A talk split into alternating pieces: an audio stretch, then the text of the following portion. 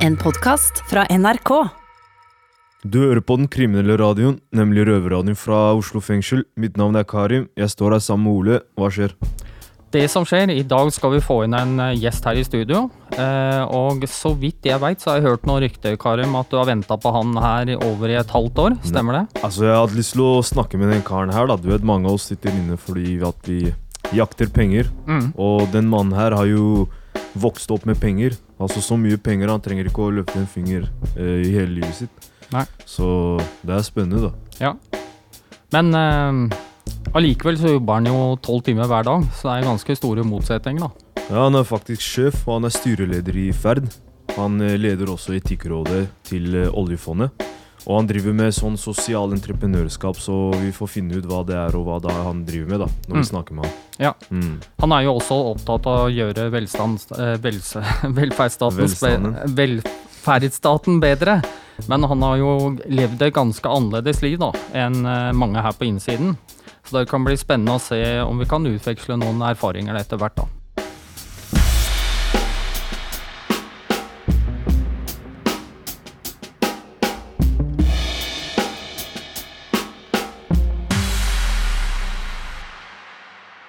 Ok, velkommen til eh, vårt uh, røverstudio her i Oslo fengsel. Uh, Johan Andresen, Takk skal du ha. hyggelig å ha deg her. Du har et mellomnavn som starter på H. Hva, hva er det for noe? Henrik. Ok, Johan Henrik Andresen. Hva syns du om å være i fengselet så langt? Um, jeg syns dere jo for det første tar veldig godt imot meg, da. Um, så dere er på en måte en vennlig, vennlig gjeng. Så det, så det er kanskje ikke akkurat sånn som alle opplever fengsel fra, fra utsiden. Kanskje dere gjør det litt ekstra fli da, i, i dag. Men ehm, ja, jeg vil ikke si at det gir mersmak akkurat. Er kanskje å dra den litt, litt langt. Ja. Men ehm, jeg syns dere har eh, utviser bra verdier her. Både dere som jobber her, og dere som si, er her ellers. Men vi syns det er ganske kult at du er her. Eh, skal røpe at jeg har nevnt eh, navnet ditt til noen i avdelinga, ikke sant? og så sier de med en gang 'Ja, er det den eh, tobakkfamilien?' Så sier jeg eh, ja.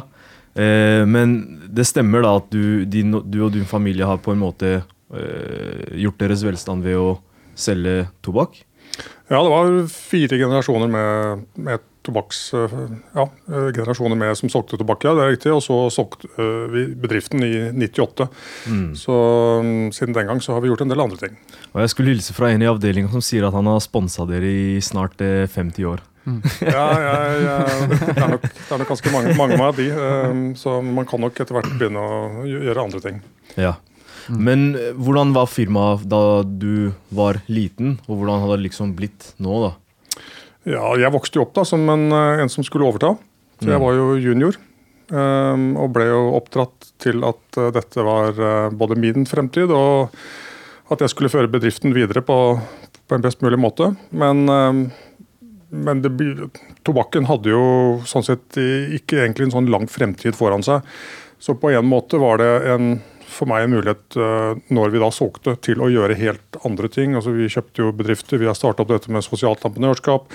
Eh, så vi kunne måtte fokusere på andre ting. Og folk var jo interessert i å snakke med meg og oss om andre ting. Og det er kanskje litt altså derfor jeg er her, at jeg, vi har fått mulighet til å vise andre verdier ute i samfunnet. At vi bryr oss om andre ting enn å, skal selge visse typer produkter. Så, mm, nei, så sånn sett så er det, liksom, det er en historie. Ja. Mm. Jeg og vi har kanskje hatt litt eh, forskjellig oppvekst. da. Eh, jeg hadde en oppvekst hvor jeg flytta litt mye og var i barnevernet og havna i småkriminaliteten. Men hvordan er det egentlig å vokse opp i eh, velstand, på en måte? Hvis man kan si det sånn. Ja, vi ble jo noen som sier at jeg ble født med ikke bare en uh, sølvskje, men et helt bestikksett i kjeften. Um, men vi, uh, far og mor var veldig sånn at vi var på en måte, Jeg var sistemann som fikk sykkel, og sistemann som fikk uh, slalåmutstyr og sånn. Det skulle liksom være veldig nøkternt. Rett og slett fordi vi skulle på en måte ikke tro at vi var noe bedre da, egentlig som mennesker, fordi vi på en måte hadde altså Bedriften var på en måte eh, si, stor og verdifull. eh, Men at vi som mennesker skulle på en måte vokse opp som så godt det gikk da, som andre mennesker, selv om vi naturligvis eh, var heldig og fikk være med på morsomme ting og reiser og, og sånn. Men eh, ja, jeg tror jeg blitt Jeg ser på mine søsken også. De er ganske ålreite mennesker alle sammen. Så det, Ikke for å skryte av familien, men eh, Men, men det høres ut som Ja. dere kommer fra en ganske jordnær familie, da. I hvert fall sånn med første ørekast, liksom. Ja, for den store faren vet du, for, en, for en arving da, for å si det sånn, er jo at uh, man måtte gå helt over styr. ikke sant? Du bruker penger som en, full sjømann, holdt på å si. eh, og, eh, ja, ikke sant? og I verste fall kan du ødelegge bedriften. ikke sant? Eh, på mange måter. Enten ved at du roter bort penga, eller at du viser, at, viser alle at nei, men den bedriften vil ikke jeg jobbe i. For han er jo en tulling. Han, han kommer jo aldri til å skape noe vekst eller uh, gjøre noe spennende. Så uh, ja. Nei, så det er hvordan man måtte opptre både som arving og som bedriftseier og leder. Det, ja, Apropos dette med tillit. ikke sant? Du skal vise du skal gjøre deg tilliten verdig. Ja, akkurat det med tillit. Var det en byrde da du var litt yngre at eh, du skulle ta over det her? og Var det, litt, var det ve stor vekt på skuldrene dine på en måte? Ja, Du følte liksom at du ble, ble født med ansvar. Mm. Um, og arbeiderne på spesielt da på, på JL Tidmanns, de, de forventet jo at, at det var jeg som skulle overta, og jeg skulle måtte være med å trygge deres fremtid. da, på en måte. Så, um, men etter hvert som altså Jeg vokste jo opp med det, så det ble ikke noe nat unaturlig, egentlig. Um, så jeg har vel ikke følt det tyngende, annet enn at jeg, det var litt sånn, det var litt tyngre den gangen det var tobakken, for det ga begrensede muligheter. Men nå som, ja, så nå har vi, har vi andre muligheter.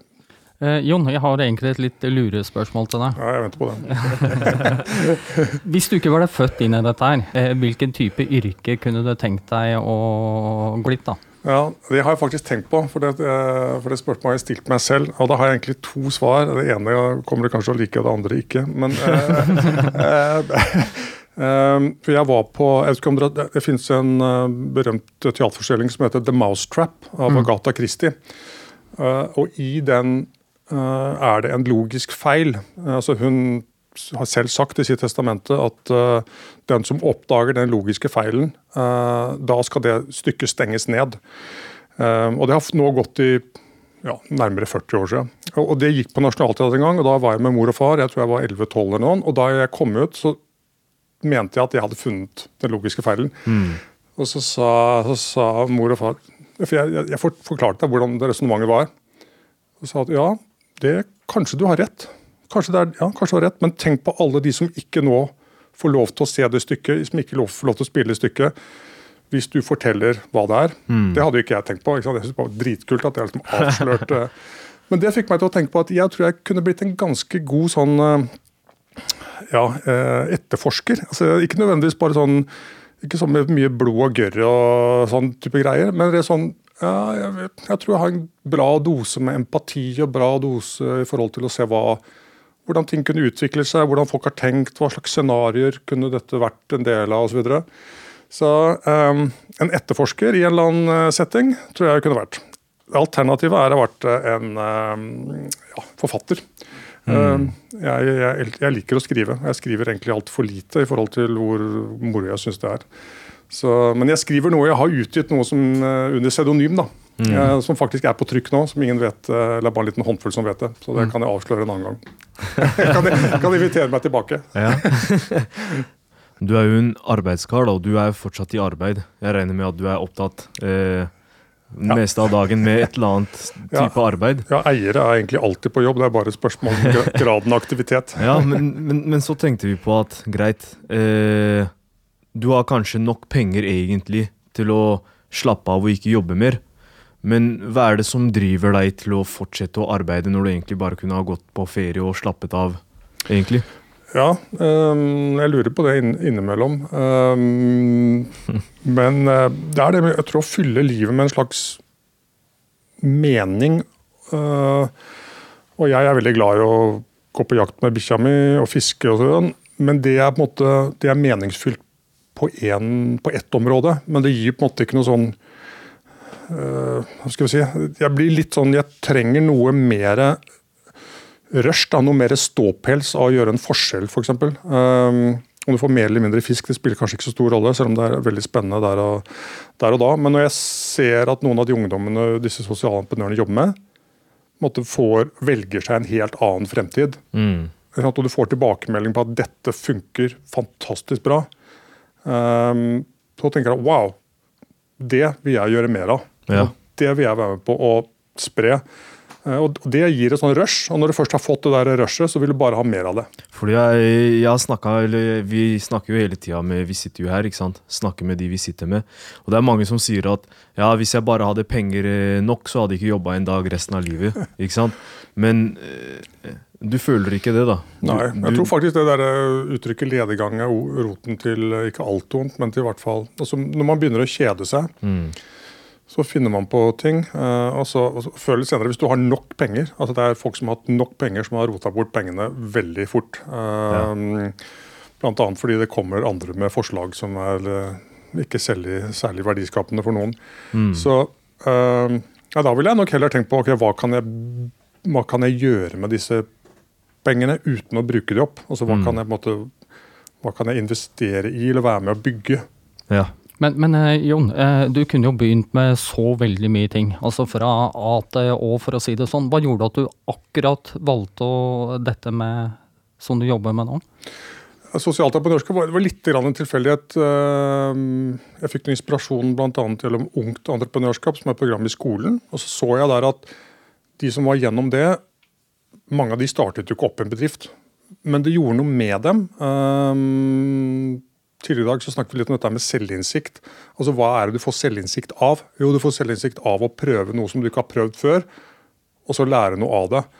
Uh, og jeg så mange av disse ungdommene de ble rett og slett de, ja, de ble bedre personer. Altså De tok bedre valg fordi de hadde turt å gjøre noe. De hadde fått en erfaring, eh, og så hadde de lært av den. Um, og En form for mestringsfølelse, mener du? Ja. ja, absolutt. ja. Og den store eliten, og noen fant ut at de var gode på liksom, å gjøre research, noen var gode til å selge, noen var gode til å, ja, til å lage grafiske uttrykk. Um, og så man, ja, så I den settingen da, så oppdaget de at de hadde noen styrker og svakheter som de kunne bygge videre på. Så Men jeg vil gjerne snakke med deg om et av prosjektene dine, eh, som heter Forandringsfabrikken. Eh, som driver og jobber med barn i barnevernet. da. ja. Eh, mange av vi som sitter her nå, har eh, fortid med barnevernet. Så hva var det egentlig som gjorde at du ville gjøre noe sånt?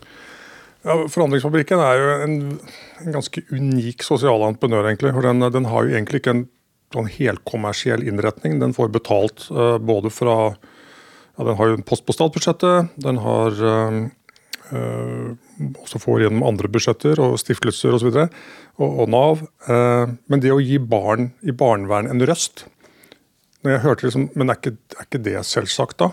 Er ikke, liksom, er, skal ikke det være der allerede? Så da fikk jeg liksom litt um, bakoversveis. Jeg tenkte at det, det, det, dette er ikke riktig. Ikke? Dette, dette kan, sånn kan det ikke være. Og jeg hørte historier liksom at ja, når, når barna sa, sa at ja, men hvis dere henter oss midt på natta, ikke kom med politi, eller eh, helst ikke la de være uniformert. Sånn, Oi, ja vel. Er ikke, det, er ikke det en medmenneskelighet som burde vært på plass, liksom? Eh, Eller at eh, seks av ti søsken blir eh, splittet, liksom, når eh, de blir henta. Sånn det er noen, det er noen sånn sånn systemfeil her. Som jeg tenkte at Dette er urettferdig, dette vil jeg eh, være med og gjøre noe med. Så også Hun som leder av Marit Sanner er en fantastisk eh, dame som ikke tar en hun tar, hun, hun tar aldri nei for et svar, for å si det forsiktig. Eh, Det er noen som syns at hun er litt eh, røff innimellom. Men mm. uh, for en god sak så må man av og til uh, børste noen mothårs. Men i hvert fall, de har jo da fått Jeg vet ikke om du har hørt det. Dette er egentlig en kul sak, da, for dette er helt unikt. Uh, De har da klart å få inn et nytt ord i norsk lov. Mm. Vet ikke om dere har hørt om det? Altså, Nei. Nei. Altså, det er en, den tjukke lovboka. Vet ikke om dere da kanskje ikke det på cella, men ok. Eh, eh, men inni der er det jækla mange ord, da. Ja. Eh, og det er ett ord som ikke har vært der før. Og det står nå i den nye barnevernsloven, paragraf 1. Mm. Eh, og det ordet er kjærlighet. Kjærlighet. Er ikke det kult? Altså, det kommer et nytt ord i norsk lov, og det ordet er kjærlighet. Var det ikke der fra før? Nei, nei, men hvor skulle det stått? Ikke sant? Ikke sant? Det, det folk, nei, men skal du, kan ikke, du kan ikke lovfeste kjærlighet. Det går ikke. Men det står nå at uh, folk som arbeider i barnevernet, de er, forplikter seg til å utvise kjærlighet for barna. Det er veldig viktig. Ja, sånn det er ikke... og det er ikke sånn, og det burde jo være litt trist kanskje at det, er, at det må stå der, men på den annen side er det også en sånn løft om at ok, dette er mulig å få inn. ikke sant? Og det, så Forandringsfabrikken har en litt sånn, litt sånn legendestatus eh, rundt omkring. for de har, vært, de har vært nesten i alle, liksom, de har vært i alle politihus. og de har vært på skoler og de har vært på alt, nesten alle kommuner. og sånn, Så de, ja, de, er godt kjent nå. Eh, noen liker de, og noen syns de er eh, en pest og plage. Men de gjør en uh, viktig jobb. Jeg syns det er veldig fint at noen tar opp kampen, da. Ja, helt det. Mm. Jon, eh, hva, er det, eh, hva er du mest stolt av over eh, alt du har vært med på, da, eller i forbindelse med de prosjektene dine? Jeg håper jo at jeg er mest stolt av noe som, noe som er der i dag, som vi kan bygge videre på. Da. For jeg er, sånn, jeg er litt sånn utålmodig at ok, eh, veldig kult at vi har fått til det, um, men hva nå? Mm.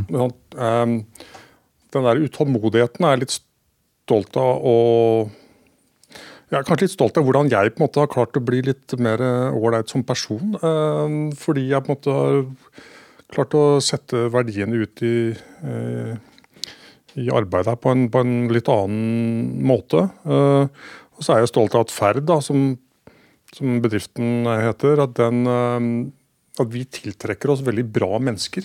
Fordi Bl.a. fordi vi driver med sosialt entreprenørskap eller mikrofinans eller andre ting. Eh, så er det folk som kommer dit som vil jobbe med oss fordi de syns at deres verdier eh, er det samme som bedriften har. Ja, og Det betyr at når du tiltrekker deg sånne mennesker, det gjør på en måte livet ikke bare lettere, men også utrolig mye mer givende. Eh, så det å omgi seg med mennesker som deler verdiene ens, det er på en måte Uten det så ja, da hadde jeg ikke giddet å gå på kontoret. Altså. Nei, skjønner. Eh, hva, eh, hva, tenker du om at det er viktig for et samfunn å bruke penger på de som faller utenfor samfunnet? Ja, det er en, Stort sett er det en ekstremt god investering. Mm. Eh, altså, hvis du, Noen som er utenfor skole, utenfor jobb, og bringer de tilbake på et sånn jobb-skoleløp, og de jobber i 35 år til 80 minst, eh, nåverdien av det er 12 millioner kroner. Og Det betyr at du kan investere ganske mye i en enkeltperson hvis du har en løsning som fungerer. Og med høy sannsynlighet for at den personen kommer tilbake på den tracken. Så Poenget er litt at man, man sprer nok liksom pengene veldig sånn tynt utover, og er litt for lite målrettet på de tingene som man virkelig ser fungerer, som gir kalles av både sosial, mental, menneskelig, men også økonomisk eh, effekt da, for samfunnet. Mm. Så, og du, du, har enda større på en måte, si, payback da, hvis det er noen som er la oss si, de er på kjøret eller sant, de, ja, de, de forvolder mye skade i samfunnet. Da, både for seg selv og andre. for da, da, har du en veldig stor kostnad ved det også. Ikke bare at de ligger liksom hjemme på, på gutterommet og slenger, liksom. Uh, så Da får du liksom hele kostnadsgevinsten. Så svaret er hvis du har noe som funker, ja, investere i det. Et kanskje, ganske, kanskje et litt stort spørsmål, men hva er det du har lært i løpet av ditt arbeid med sosialt entreprenørskap? Um, at det å gi folk muligheter er uh, en kjempegod investering. Mm. Og det har du sett det på fra første rad? Absolutt. Uh, og det er klart det er ikke alle som griper den muligheten av forskjellige grunner. Det er noe med tilrettelegging, men ja, det har jeg sett. Enten det er Eh, veldig unge, eller vi har til og med en sosialentreprenør som heter Gammel nok, som bare er de over, eh, over 50 eller over 60. Eh, mm. og det er aldri for sent å gi folk en mulighet. Mm. Eh, Jon, eh, hva tenker du om at store firmaer og, og, private aktører og dem sitt ansvar, da, eller kall det sosialt ansvar? Hva mener du om det? Ja, det er et godt spørsmål, faktisk. Fordi eh, altså, Det største ansvaret de har, er på en måte å skape verdier. Og så er det spørsmål hvordan gjør de det. Uh, for det å på en måte, måtte skape arbeidsplasser, sånn rent sånn standardarbeidsplasser, uh, er jo en god ting. Men det å legge til rette for folk som måtte ja, ha litt hull i CV-en eh, eller andre ting, klart det er ganske krevende. Det krever mye av en bedrift for å følge opp og ha folk som måtte, både kan og vil og, uh, og, så er det jo som dere vet, det er ikke, det er ikke flust av jobber på liksom, hva heter det, sånn på gateplan. da, ikke sant? Mm. Uh, så det er en god idé å bruke muligheten når det er innafor, til å på en måte lære noe nytt. Det tror jeg er kjempebra. Og som, vi snakket om tidligere i dag, altså Et av spørsmålene vi uh, stiller da, når vi ser at folk har hull i CV-en, okay, men hva gjorde du da? Hva gjorde du med tiden din? Og Hvis man brukte den på og lærte seg noe nytt, uh, mm. eller man leste noe og fikk noe innsikt, det er bedre enn liksom å bare Nei, bare Jeg gjorde ingenting. Jeg. Bare slang. Bare hang. Mm. Hadde, hadde, du ansatt en med uh, hull i CV-en? Eh, ja, det kommer an på Ja, men det, altså, det, er, ikke, det er, ikke, en kvalifikasjon av hull i CV-en. Det, det, må, det, må Nei, det var litt satt på spissen. Ja, ja, Det må ha litt mer, litt mer foroverlent enn uh, å lene deg på hullet. Håper jeg. Det må, ja. måtte, uh, det må på en måte vise noe hva man har lyst til å gjøre fremover. Da. Uh, ja, selvfølgelig. Uh, ja. Men når du hadde alt annet på stell, var det jeg tenkte på, så hadde du liksom et stort gap på noen år midt ved CV-en din. Nei, Hvis du har, noe, har en bra bra resonnement for hvorfor det hullet er der, og hva du på en måte lærte av det. da. Eh, Hvis jeg hadde sagt at jeg har sittet i fengsel i fem år, hva, hva hadde du svart? Ja, hva lærte du av det, da? og ikke gjøre det samme en gang til. Ja, det er en bra start. Men over til kanskje noe, eh, et litt annet tema. Eh, nemlig rett og galt. ikke sant? Vi sitter jo i fengsel. Mm. Men eh, du leder jo Eh, Etikkrådet i oljefondet. Ja. Eh, kan du kort forklare hva det går ut på?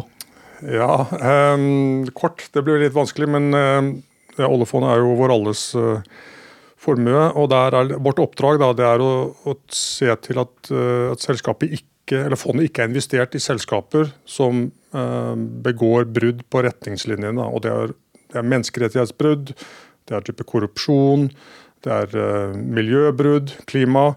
Eh, og så er det også noen produkter som, uh, som, de ikke får lov til å investere i, som bl.a. tobakk og visse typer våpen og osv.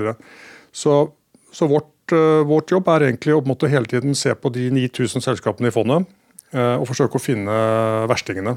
Mm. Og, og, gå i dialog med de, og hvis de ikke ønsker eller vil, kan endre seg, så kan de bli foreslått utelukket. Men hvis det er et firma som er litt i grenseland, da? Eh, som er i gråsonen. Er dere sånn heftige diskusjoner om eh, Ja, det, absolutt. Da kan vi ha ganske lange diskusjoner om eh, Og hvis vi ikke har tro på at de kommer til å bedre seg, så ja, så kan vi anbefale at de blir utelukket. Hvordan vurderer du hva som er rett og galt? Har dere liksom en sånn visse retningslinjer fra politikerne, eller? Ja, altså det vi, Terskelen for å måte, bli utelukket er, er, ganske høy. da, så Du er på en måte, du er, du er ganske banditt da, hvis du kommer i, liksom, i vårt uh, trådkors. så det er liksom sånn, du er ikke... Uh, og så er det noen som måtte endre seg ganske kjapt, men uh, Kan du gi eksempel på en eller annen banditt som dere har utelukka? Eh, jeg kan gi et eksempel på en banditt som vi ikke utelukket. og Det var noen som, eh, eh, som var en produsent som hadde en fabrikk i Lesotho, som er en lite si, fjelland i, i Sør-Afrika. Der var det 7000 kvinner som alle uh, sa at for å få jobben, eller beholde jobben eller bli promotert, hadde måttet uh, utføre seksuelle tjenester. Uh, og da gikk kundene deres, kundene til denne fabrikken, som var en tekstilfabrikk, de sa at nå må dere skjerpe dere noe jækla her, ellers så bare stopper vi å kjøpe. Uh, og, og, da fikk vi faktisk uh, laget et system, nei ikke vi, da, men kundene deres, mm. som gjør at kvinnene fikk en tryggere arbeidsplass og ikke ble trakassert uh, på samme måten. Får vi se hvordan det går. Men det er på en måte kanskje mer en seier da, i gåseøyne enn å hive ut noen som er litt sånn hakk i kjefte-type greie. Som er jo, får mye overskrifter og greier. Får ikke noe overskrift for denne her. Ehm, men man må måtte glede seg over liksom selve endringen man skaper, mer enn liksom ja, det som måtte gir kred umiddelbart. da. Mm. Så rundt i verden så jo, finnes det jo mange fattige folk da, som ikke har så mye. Eh, har du noen gang gjort deg tanker om hei, Hvorfor ble akkurat jeg født inn i det her? At du har fått litt dårlig samvittighet uten at du trenger å ha det, da. Men at du har sett på kanskje mye fattigdom og lidelser, og så har opplevd at du på en måte tenker at, at du får litt dårlig samvittighet for det. da. Ja, jeg tror alle som er ganske vel off sånn Ja. Jeg har lite sånn snev, ikke dårlig samvittighet, men litt sånn OK. Eh, hvis jeg mener at dette ikke er riktig, da, at det er litt urettferdig, egentlig, og det er jo tilfeldig ikke sant, at vi er født, født sånn eller født her, og, så, så går det jo an å på en måte gjøre noe med det. da. Så, ja, jeg startet jo et mikrofinansfond, så nå når vi 10 millioner mennesker, 90% kvinner, som lever for under to dollar dagen. og Det er ikke det at det er noe plaster på såret, men det er litt sånn OK, da brukte jeg penga til noe bra, som mm. faktisk bygger videre. Så man kan liksom ikke adressere alle problemene, men man må ta et tak i noen. da. Etter at vi har snakka med deg nå, så skal vi faktisk eh, opp til eh, vår avdeling. Min ja. og Ole sin avdeling. Så skal vi spise en eh, fengselsmiddag sammen. Hvilke forventninger har du til det? Jeg vet at det, altså, det blir ikke noe hummer, og vi har ikke noe Michelin-stjerne her oppe i åttende. Eller russisk kaviar, for den saks skyld. Ja, men eh, kanskje det blir fiskeboller i dag? Ja, høyst sannsynlig. Det er i hvert fall fisk i dag, så vi får se hva vi får. hva, hva, tror du om den maten vi får? Da? Eh, jeg kommer ikke her for maten, jeg kommer her for å møte dere, blant ja. annet. Ja, veldig bra svar. Ja, ja, det er veldig bra svar. Nei, men det er hyggelig. Men til slutt, er det noe du vil spørre oss om, da? Vi har jo sittet i fengsel relativt en god stund nå. Spør om alt. Ja, hva, ja, hva er det dere ser på som det største ja, En liten eller stor endring da, som ville betydd noe for uh, de innsatte her? Jeg tror det er å ha en eller annen form, og, eh, form for jobb å gå til, eventuelt uh, bolig, og uh, kanskje ny vennekrets. da. Det tror mm. jeg har veldig mye å si. Har du de tre tingene, så er sjansen for at de innsatte kommer tilbake uh, tilnærmet lik null. Da. Ja, for det er mange her som bare slipper ut med en svart søppelsekk ja. fylt av klær, og så skal de enten gå til høyre eller venstre på Åkebergveien her, og så, sant, så vet de ikke helt hvor de skal gå. Så mm. kanskje et uh, mer, ja. mer, oppfølging da, mm. senere. Ja, ikke bare oppfølging. Du, du må liksom ha en sånn uh, pakke eller ramme klar tror jeg, når de kommer ut. da. Mm. Mm. I hvert fall hvis liksom, de er veldig ung, da. Det mm. tror jeg. En annen ting, en, kanskje en annen ting som jeg føler, da, hvis man blir pågrepet av politiet, kommer fra glattcella hvor mm. man har ingenting, til å komme opp her, og så blir man satt inn på en innkomstavdeling. Kanskje en mykere overgang, da kan være vanskelig for ja. mange, så tar det litt lang tid før du kommer i gang på skolen og sånne mm. ting. Så kanskje at det kunne skli litt bedre. Ja, der, der, tror jeg han har et poeng. Jeg tror å ha hatt en innkomstavdeling da, på lik linje sånn som vi har det i åttende, tror jeg hadde vært eh, Eh, midt i blinken. At du får en mykere overgang da fra frihet til eh, frihetsberøvelse, og så har du da en sånn avdeling og alla sånn som vi har midt imellom. da. Så hadde det vært deilig med telefon og Netflix og PlayStation på cella. ja, men det, det, er det, som, det er derfor du, du, må jo ha litt oppside med å komme ut òg, da. Ja. kan ikke du hjelpe oss med det? da? Det Vekterom med trening, manualer Nei, nei bare ja, det, er, det, det, er, noe annet. Sånn, eh, men, men, hva, dere, hva er liksom deres råd da til uh, folk som syns at dere er litt uh, kule, og dere har liksom litt kred, gatekred, og liksom, det er ikke så kjipt å være innafor. Er det det liksom? Og hva, de, hva, slags råd vil dere gi til unge? Det jeg egentlig sier til uh, de yngre når jeg møter dem, det er at uh, det er ikke så kult, ass. Det er, jeg skulle ønske personlig at jeg bare gikk skolen, ikke tok noe friår, fokuserte på skole, aldri gjorde noe kriminelt. Fordi mm. Det, er, det, er, ikke verdt det til slutt. Men så er man inni det plutselig, og så går livet fort. Men uh, shit happens. ja, for det, for det, er ikke kult å være i fengsel, det som veldig mange unge på utsiden tror, da. Mm. Ja. Johan Adresen, takk for besøket. Det var veldig hyggelig å ha deg her. Så da stikker vi opp og spiser middag. Ja. ja. Takk for at du fikk komme. Jeg yes. gleder meg til maten. Når som helst. Ja.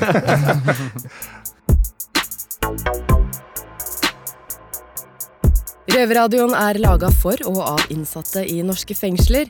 Tilrettelagt for streitinger av Rubicon for NRK.